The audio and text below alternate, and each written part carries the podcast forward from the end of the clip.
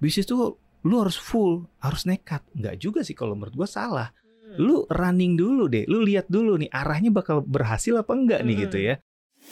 Apa sih resiko paling gede kalau kemudian nekat-nekatan itu Mm-mm. dilakukan, apalagi emang Mm-mm. udah terlanjur cabut dari kantor? Jadi ketika memulai bisnis ini lu nggak bisa bergantung sepenuhnya hidup lu dari bisnis gitu. Oke, oke. Itu proses gitu. Jadi harus mulai dulu dari yang kecil, tapi lu pastikan proses itu berjalan lancar dan terus bertumbuh gitu. Cuap-cuap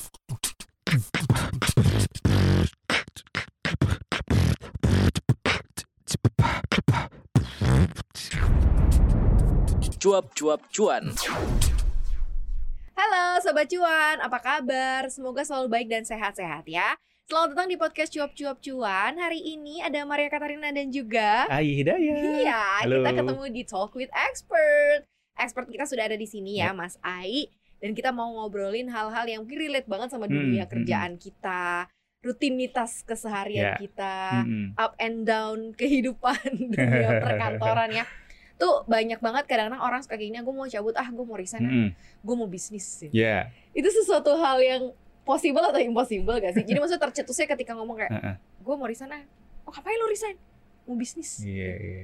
Kan itu dua hal yang kayaknya ber- berat ya, bukan, Iya, bukan iya, berat iya, ya. iya. Lo kerja di kantoran juga Mm. eh, pressure-nya juga berbeda, bisnis bukannya lebih Bukan berarti nggak ada pressure. berat gak sih? Iya. Mm. Gimana sih Mas Ayah itu? Ya, menurut gue itu pernyataan yang salah kaprah ya. Gue mau resign, eh, gue mau bisnis ah, jadi gue resign gitu kan. Atau gue mau resign karena gue mau bisnis gitu. Mm-mm. Kalau emang lu mau bisnis, kalau menurut gue ya lu harus persiapkan ketika lu masih bekerja Oke. gitu. Karena ketika lu resign dulu, baru lu memulai bisnis, Hmm. itu resikonya malah bertambah gede gitu kan. Seperti kita tahu, kerja aja lu tekanannya udah sangat berat gitu. Lu bayangin kalau lu menjalankan perusahaan itu sendiri gitu kan. Eh, di mana lu bertanggung jawab sepenuhnya gitu Yes. kan. Pendanaannya, ke Hmm. karyawannya, gimana lu ekspansi bisnisnya, Hmm. penetrasi ke konsumen segala macem. Berarti kan eh, lebih berat dan lebih banyak yang harus lu persiapkan gitu Iya, kan. Iya, iya. Kalau seandainya keputusan itu sifatnya emosional gitu ya, bukan perencanaan yang matang, oh itu resikonya gede banget gitu. Hmm. Jadi kalau misalnya istilah-istilah gue mau cabut ah dari Mm-mm. kantor ini mau resign mau bisnis Mm-mm. itu kayak semacam teori doang atau Mm-mm. gimana sih Mas Ai? Ya kalau menurut gue Ah, sih emosi doang. itu keputusan emosional ya, Mhm. keputusan emosional. Mhm. Biasanya orang mungkin karena dia sudah nggak tahan lagi di kantor itu gitu ya, tekanannya udah sangat berat atau mungkin dia nggak nyaman atau dia nggak passion sama kerjaannya. Akhirnya shortcutnya ya udah deh gue resign aja, gue mau bisnis aja gitu. Mm. Itu kan mungkin juga keputusan yang memang diambil karena dia udahlah gue nggak sanggup lagi gitu, Oh, gue coba aja gitu. Karena biasanya kalau orang yang memang punya perencanaan yang matang, justru dia persiapkan bisnis itu ketika dia masih bekerja gitu. Karena ya kita harus punya apa istilahnya active income ya Oke, gitu. oke. Kalau misalkan lu resign dulu baru berbisnis, sementara bisnis itu kan untuk sampai menghasilkan kita nggak pernah tahu cepat atau lambat gitu Mm-mm, kan. Benar, benar, benar. Iya, kecuali emang lu udah punya pasarnya. Hmm. Makanya rumusnya kalau orang mau buka bisnis itu, lu bikin pasarnya dulu, bukan Hmm. bikin bisnisnya dulu gitu. Jadi kalau menurut uh, lo sendiri Mas Ai, Mm-mm. sebenarnya ketika kita masih aktif kerja di Mm-mm. kantoran, Mm-mm. itu sebenarnya nggak masalah juga ya, bisa balance nggak sih? Karena ada Mm. yang bilang kayak gini, kalau lo mau jalanin bisnis ya, lo Mm-mm. harus cabut lah dari Iya, kantor iya. supaya lo bisa fokus Mm-mm, gitu. mm-mm. Tapi sebenarnya menurut Mas Ai better memang dijalankan dulu secara paralel. Iya. Baru emang kalau udah bisa menggantikan uh, fixed Mm. income setiap bulannya barulah berpikir untuk cabut iya, atau iya. kayak gimana sih? Iya, karena menurut gue gini ya, kalau kita mau mau mulai bisnis itu kan persiapannya pasti kan harus matang dan Hmm. harus panjang gitu ya, banyak yang harus dipersiapkan. Nah, kalau misalkan eh, kita belum terlalu matang bisnisnya dan memang kita nggak passion atau hanya keputusan yang emosional, itu Hmm. bahaya banget gitu. Hmm. Jadi better sambil kita kerja ya kita prepare aja dulu deh gitu. Paling nggak kita punya pipeline gitu kan. Oke. Bisnisnya gue mau bisnis apa nih? Gue tahu nggak nih pemasarannya gimana? Modalnya berapa? Hmm. Paling nggak kita tahu itu dulu gitu. Kalau memang sudah matang, ya oke nggak apa-apa resign terus lu mulai bisnis itu. Kalau emang udah matang dan Hmm. lu udah yakin banget nih. Mhm. Tapi kalau lu, lu cuma pengen baru coba-coba atau karena emosional, menurut gue Hmm. jangan. Better lu jalanin aja barengan dulu gitu kan. Memang effortnya harus lebih double kan Iya. lu kerja juga, lu bisnis juga. Tapi ada sisi positifnya. Ketika memang itu berhasil, ya udah lu resign aja, lu jalankan bisnisnya. Tapi ketika itu gagal, ya udah lu tinggalin bisnisnya. Berarti emang itu nggak berhasil buat lu gitu, Hmm. Eh, nggak nggak sukses lah gitu ya. Jadi memang eh, pada prinsipnya dalam eh, prinsip keuangan ya, kita tuh harus tetap punya active income bagaimanapun atau dalam kondisi apa pun gitu ya Oke. Mbak Maria. Jadi kalau misalkan kita beresiko menghilangkan atau meninggalkan active income kita demi sesuatu yang belum pasti, Mhm. menurut gue jangan gitu. Karena walaupun itu bisnisnya mau kita running sendiri, tapi Iya. itu masih uncertainty ya, Iya. masih 50-50 Iya, ya. bisnis itu kan 50-50. Betul, betul, betul. 50% lu bisa sukses, 50% juga lu bisa gagal gitu ya. Apa sih yang yang harus ini soalnya Mm-mm. gue akan mengangkat istilah-istilah yang Iya. biasa orang selalu apa ya jadiin alasan atau Mm-mm, jadiin kayak eh, pemicu atau mungkin bisa jadi salah kaprah gitu Iya, ya. iya. Satu tadi eh, Mm-mm, mau resign ah karena gue mau bisnis gitu. Iya. Lo harus resign supaya lo fokus Mm-mm, jalanin bisnis. mm-mm. Ya lo jalan-jalan aja bisnis kalau nggak dinekat-nekatin Iya. biasanya nggak jadi. Nah, Mm-mm, ini kan ada fase-fase atau mungkin statement-statement orang atau istilah-istilah yang Mm-mm. memang mungkin berhasil di Iya. orang lain, tapi Mm-mm. mungkin bisa juga nggak berhasil di kita, tapi bisa betul, jadi berhasil. betul. Apa sih resiko paling gede kalau kemudian nekat-nekatan itu Mm-mm. dilakukan, apalagi emang Mm-mm. udah terlanjur cabut dari kantor? Iya, possibility-nya lu bisa bangkrut gitu kan. Itu paling bahaya iya, banget. paling bahaya banget nih, yang Hmm. paling terparah gitu kan. Lu ninggalin pekerjaan lu yang which is itu gaji bulanan, Mhm, mhm. lu mulai bisnis pasti juga harus punya modal, Mhm, ya kan? betul. Ketika modalnya habis, gagal lu nggak punya tabungan lagi, ya Mm-mm. udah lu bangkrut, lu nggak bisa ngapa-ngapain. Ujung-ujung nanti berutang ke pinjol lagi gitu kan. Nah, ini kan bahaya juga gitu kan. Ya kayak gitu kan itu mungkin karena tanpa perencanaan yang matang kalau menurut gua. Apalagi di zaman sekarang ya, era digitalisasi, kalau menurut gua sih kalau lu mau mulai bisnis start digital aja dulu deh. Mhm. Online dulu gitu pemasarannya kan jadi nggak terlalu effort, modalnya juga nggak terlalu besar gitu ya. Sekaligus menempa mental lu. Menempa cocok mental lu cocok nggak sih gitu ya? betul dan kita sekalian tes pasar Ya, gitu. ya, ya, ya, Laku ya, nggak nih produk yang lu tawarin nih? Mhm. Jangan lu langsung buka toko segede-gede gaban gitu ya dengan modal gede, tapi lu belum tahu nih konsumen lu siapa gitu. Mhm. Apalagi di era sekarang yang memang lu tahu sendiri kondisi ekonomi juga lagi sulit kan. Mhm. Kalau lu nggak pinter-pinter mengatur cash flow ini bahaya banget gitu. Mhm. Karena likuiditasnya juga lagi ketat. Sekarang lembaga keuangan aja dalam menyalurkan kredit itu sangat hati-hati banget. Karena memang tingkat kredit macet kita tuh Tinggi. lagi tinggi banget. Makanya lu juga harus lebih hati-hati. Makanya sekarang orang tuh banyak orang bilang cash is the king gitu. Mhm, mhm. Kalau lu punya cash ya lu keep aja dulu deh. Karena orang semua wait and see nih. Kondisi ekonomi baik di lokal maupun di global juga lagi nggak bagus. Geopolitik juga lagi Hmm. memanas. Kita juga lagi masuk tahun pemilu gitu kan. Kalau kita sampai salah langkah ini bahaya banget sih. Mhm. gitu. Itu yang harus dihati-hatiin ya. Mm-mm. Lo bisa bangkrut, bahkan kalau misalnya ekonomi dunia dan ekonomi dalam negeri nggak baik-baik aja itu Mm-mm. bisa beresiko, ya. Beresiko, betul. Ingatlah waktu pandemi ya banyak bisnis iya, juga harus uh, tutup, gulung tikar tikar, atau tutup betul. karena kondisi yang unpredictable Mm-mm, seperti itu. Nah, mm-mm. untuk meminimalisir resiko, tadi kan udah Mas Ai bilang Iya. jalanin aja coba bisnis ketika masih punya uh, Pekerjaan. fixed income atau Mm-mm, kerjaan. mm-mm. Nah, kalau emang bener-bener udah terlanjur nih mas Mm-mm. salah kaprah deh gue keputusan Iya, gue iya, untuk cabut iya. mungkin karena emosional dan lain-lain ya. Ini step awal yang harus dilakukan kayak gimana nih? Harus dicek dari susunan uh, keuangan atau postur keuangan yang kita punya dan berapa besaran uang yang bisa digunakan buat bisnis supaya nggak bener-bener langsung habis sambil mungkin akhirnya oke deh kayaknya gue harus tetap cari kerjaan baru.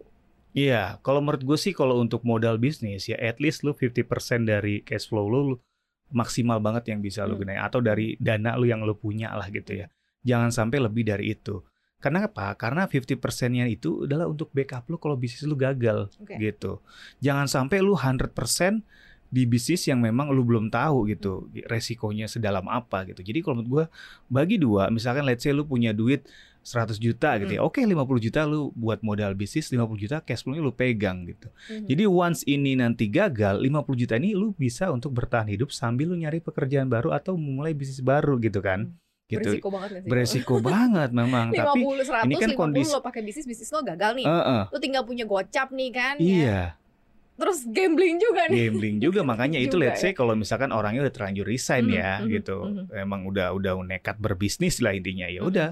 Tapi tetap lu harus punya pegangan at least 50% tapi ya lu gambling juga bener kata Mama tadi tapi at least lu harus cari backup yang kuat gitu dan lu harus cari, pekerjaan baru lagi kalau misalkan itu gagal atau lu mulai bisnis lagi dengan modal yang lebih sedikit at least lu bisa ada pemasukan gitu makanya tadi gue bilang di awal ya kalau lu mau berbisnis sebenarnya yang paling kunci utamanya adalah lu punya pasar dulu gitu Oke. Jadi ini cash flow ya Mas Ai ya.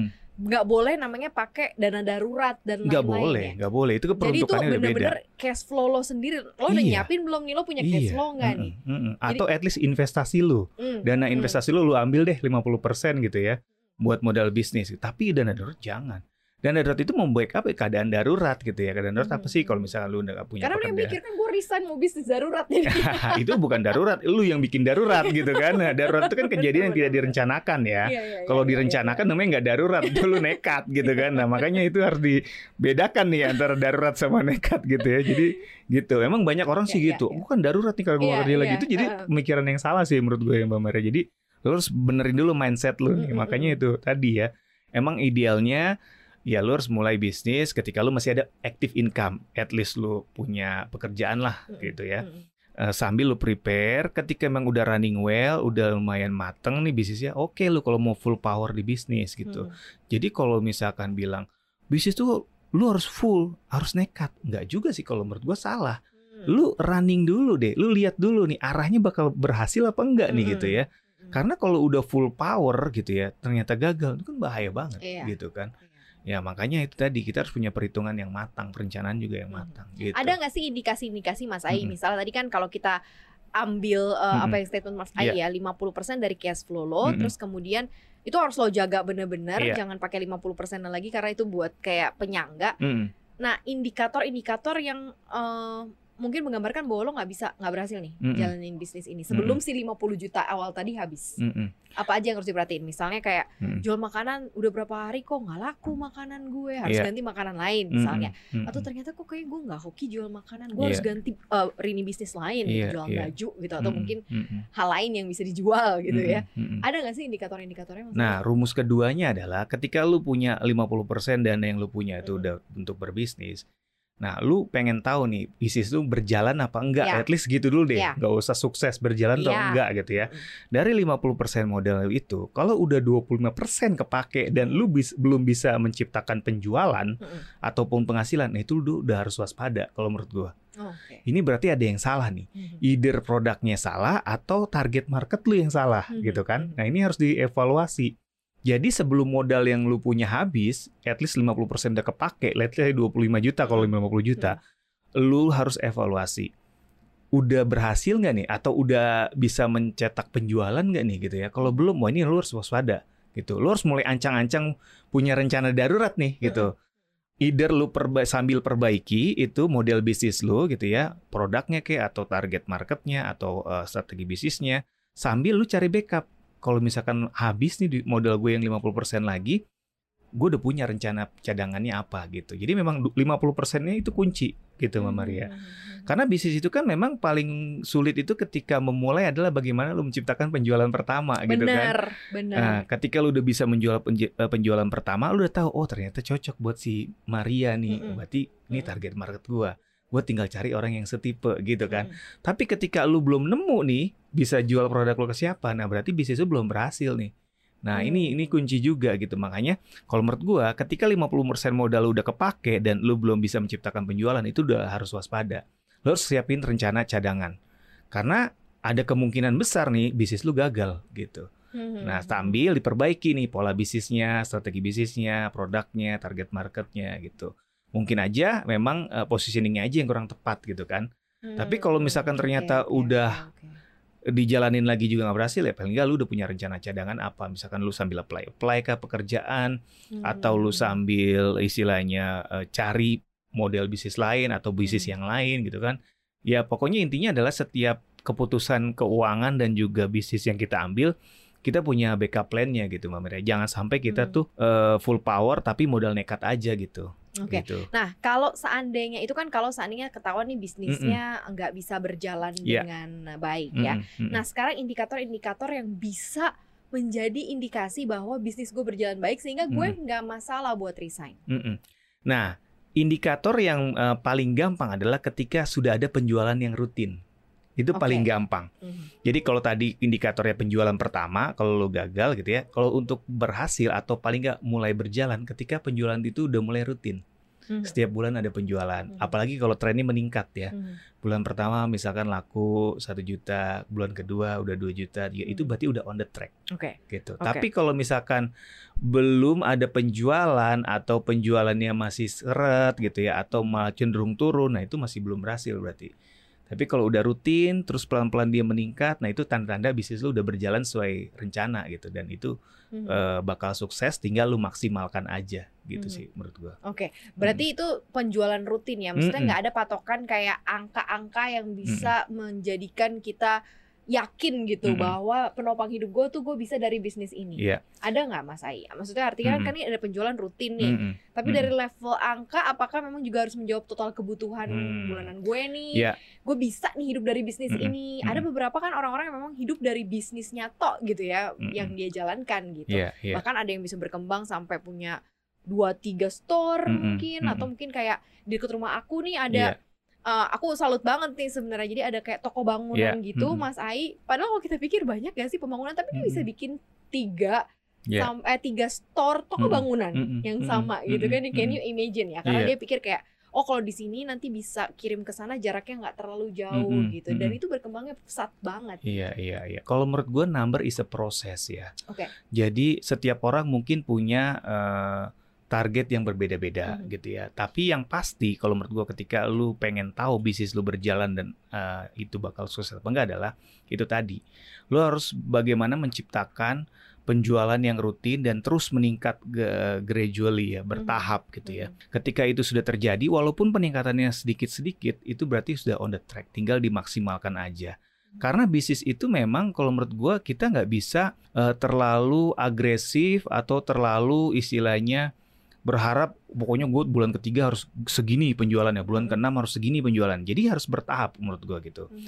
Eh, dan harus dimulai dengan target yang terkecil dulu, Mbak Maria. Makanya tadi gue bilang, lu harus punya backup cash flow gitu untuk menopang misalkan eh, rutin operasional lu ketika memang bisnis ini masih kecil gitu ya. Mhm. Jadi ketika memulai bisnis ini lu nggak bisa bergantung sepenuhnya hidup lu dari bisnis gitu. Oke, oke. Itu proses gitu. Jadi harus mulai dulu dari yang kecil, tapi lu pastikan proses itu berjalan lancar dan terus bertumbuh gitu Mhm. s- eh, somehow gitu lu harus punya cash flow yang bisa menopang untuk lu hidup juga gitu Mhm. makanya tadi 50% itu harus Mhm. disisakan gitu ya oke lu bisa ambil mungkin keuntungannya sedikit gitu untuk modal hidup tapi kalau kurang lu topang dari cash flow cadangan lu Mhm. gitu tapi ya itu tadi catatannya lu harus pastikan bisnis itu berjalan penjualannya lancar dan bertumbuh secara bertahap gitu jadi memang ini eh, ada seninya juga sih berbisnis itu. Jadi lu Iya. harus benar-benar berstrategi benar benar lu benar. harus benar-benar tahu gitu ya intuisi lu harus matang gitu. Jadi jangan sampai eh, ya polosan aja atau lu udah pokoknya gue full power gue harus bisnis pokoknya ini pasti berhasil gitu. Nggak ada yang pasti di dunia ini. Investasi aja nggak pasti gitu Benar, apalagi apalagi bisnis gitu. bisnis, ya. iya dan bisnis tuh kayak semacam uh, jodoh-jodohan juga sih gifted giftedan juga gitu ya betul. pemberian.